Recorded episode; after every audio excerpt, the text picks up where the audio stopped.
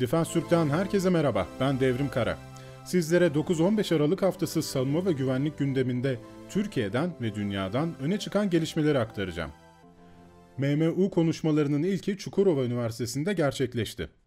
Türkiye Cumhuriyeti Cumhurbaşkanlığı Savunma Sanayi Başkanlığı'nın himayelerinde Defens Türk'ün destekleriyle Çukurova Üniversitesi Savunma ve Yüksek Teknolojiler Kulübü tarafından düzenlenen Türk Savunma Sanayi MMU konuşmaları bir etkinliği 13 Aralık 2019 tarihinde Mithat Özsan Amfisi'nde gerçekleşti. Etkinlikte SSB Uçak Daire Başkanı Abdurrahman Şerefcan, TUSAŞ Genel Müdür Yardımcısı Profesör Doktor Mustafa Cavcar, TUSAŞ Kıdemli Sistem Mühendisi Özen Ersoy konuşma yaptı ve öğrencilerin sorularını cevapladı. Milli Savunma Bakanı Hulusi Akar, Anadolu Ajansı editör masasına katılarak gündeme ilişkin açıklamalarda bulundu. Libya Ulusal Mütabakat Hükümeti ve Türkiye arasında imzalanan mütabakat hakkında konuşan Bakan Akar, mütabakat hiçbir komşumuza karşı değil, iki egemen ülke Libya ve Türkiye'nin hak ve menfaatlerinin kollanması için yapılmıştır, dedi. Türkiye'nin NATO ülkeleriyle Avrupa ile teröristler arasındaki son mevzu olduğunu vurgulayan Bakan Akar, terör konusunda Türkiye'nin bir cephe ülkesi olduğuna, burada Türkiye'nin çektiği yükü herkesin bildiğine dikkati çekti. Doğu Akdeniz'de Akdeniz Kalkanı Harekatı icra edildi. NATO Daimi Deniz Görev Grubu 2 unsurları ile Akdeniz Kalkanı Harekatı'na katılan gemilerimiz Doğu Akdeniz'de geçiş eğitimlerini icra etti. Filipinler Türkiye Endüstri Günü etkinliği Filipinlerin başkenti Manila'da düzenlendi. Savunma Sanayi Başkanlığı himayesinde Savunma ve Havacılık Sanayi İhracatçıları Birliği koordinasyonunda Türk firmalarının katılımıyla Filipinler Türkiye Endüstri Günü etkinliği Filipinlerin başkenti Manila'da düzenlendi. SSB heyeti ayrıca Filipinler Savunma Bakanı Delfin Lorenzana'yı ziyaret etti. GDA 2019'a Türkiye'den firmalar katılım sağladı. Türkiye, Kuveyt'te düzenlenen GDA 2019 Savunma ve Havacılık Fuarı'na SSB koordinasyonunda ve Savunma ve Havacılık Sanayi İhracatçıları Birliği desteğinde 20 firma ile katılım sağladı, Türk savunma sanayinin kabiliyetleri sergilendi. Aselsan Tufan elektromanyetik top ile rekor kırdı. Elektromanyetik fırlatma konusunda Aselsan tarafından yürütülen çalışmalar önemli aşamalar kaydedilerek ilerliyor. Bu çalışmaların daha da ileri düzeylere taşınması için ileri geliştirme ve test altyapılarıyla donatılmış olan Aselsan Elektromanyetik Fırlatma Sistemi Geliştirme Laboratuvarı, Savunma Sanayi Başkanı Profesör Doktor İsmail Demir'in katılımıyla açıldı. Açılış kapsamında yapılan atışlı testlerde 1 milijülün üzerindeki namlu çıkış enerjisiyle ülkemizde bu alanda elde edilen en yüksek namlu çıkış enerjisi ve verimlilik seviyesine ulaşılarak rekor kırıldı. Aselsan kurumsal yönetim derecelendirme notunu yükseltti. Aselsan Sermaye Piyasası Kurulu'nun kurumsal yönetim ilkeleri baz alınarak bağımsız bir derecelendirme şirketi tarafından yapılan değerlendirmede geçen yıl 10 üzerinden 9.20 olan notunu bu yıl 9.29'a yükseltti. Kurumsal yönetim derecelendirme yolculuğuna 2012 yılında en iyi ikinci başlangıç notunu alarak başlayan Aselsan, notunu her yıl daha da ileriye taşıdı. Güvenlik güçlerine Kargo 2 teslimatı yapılacak. Savunma Sanayi Başkanı İsmail Demir sosyal medya hesabından yaptığı açıklamada 356 adet Kargo 2'nin teslim edileceğini duyurdu. Demir açıklamasında terörle mücadelenin önemli unsurlarından kamikaze mini HA'ların geliştirdiklerini, STM ile imzaladıkları sözleşme ile artırılmış görev süresi, irtifası ve otonomisi, düşük ses seviyesi, geliştirilmiş hedef tespit algoritmasıyla 356 adet kargo 2'nin teslim edileceğini ifade etti. Almanya 10. Savunma Bakanlığı raporu açıklandı. Rapora göre bu yıl Alman ordusuna 1 adet F-125 fırkateyni, 4 adet Eurofighter savaş uçağı, 6 adet A-400M nakliye uçağı ve 45 adet Puma zırhlı muharebe aracı teslim edildi.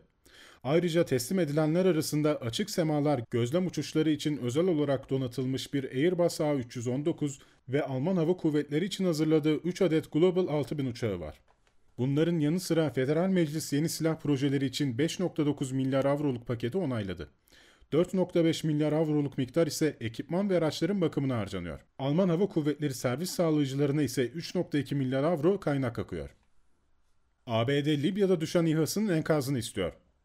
Reuters'ın yaptığı habere göre ABD 21 Kasım'da Trablus'ta Rus üretimi hava savunma sistemi tarafından vurulan ABD ordusu Afrika komutanlığına ait insansız hava aracının enkazını geri istiyor.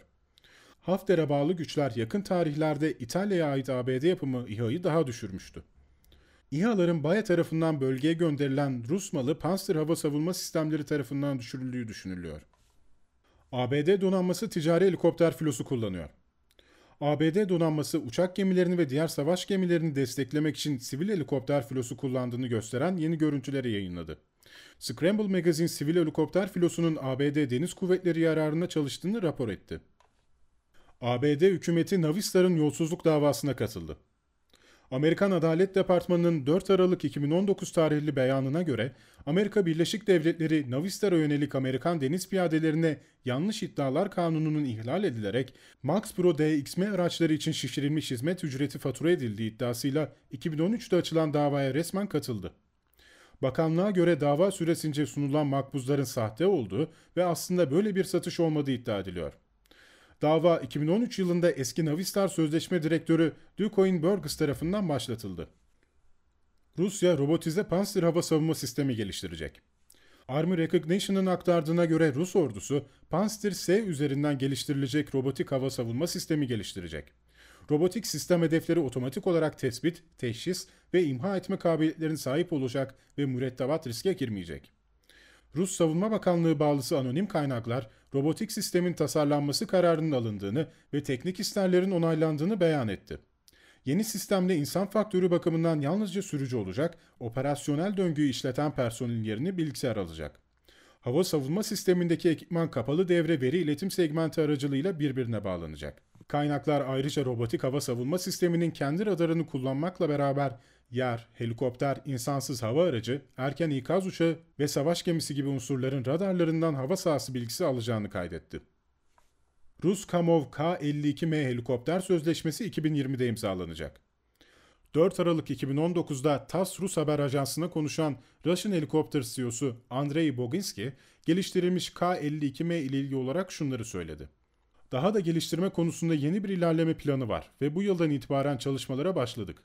Umarız gelecek yıl sözleşmeyi başarıyla sonuçlandıracağız. Mi-28'de olduğu gibi bunu da başarmak için elimizden geleni yapacağız. Böylece K-52 ile uzun vadeli bir sözleşmeye varacağız. Çin, Y-9 özel görev uçağının seri üretimini yapıyor.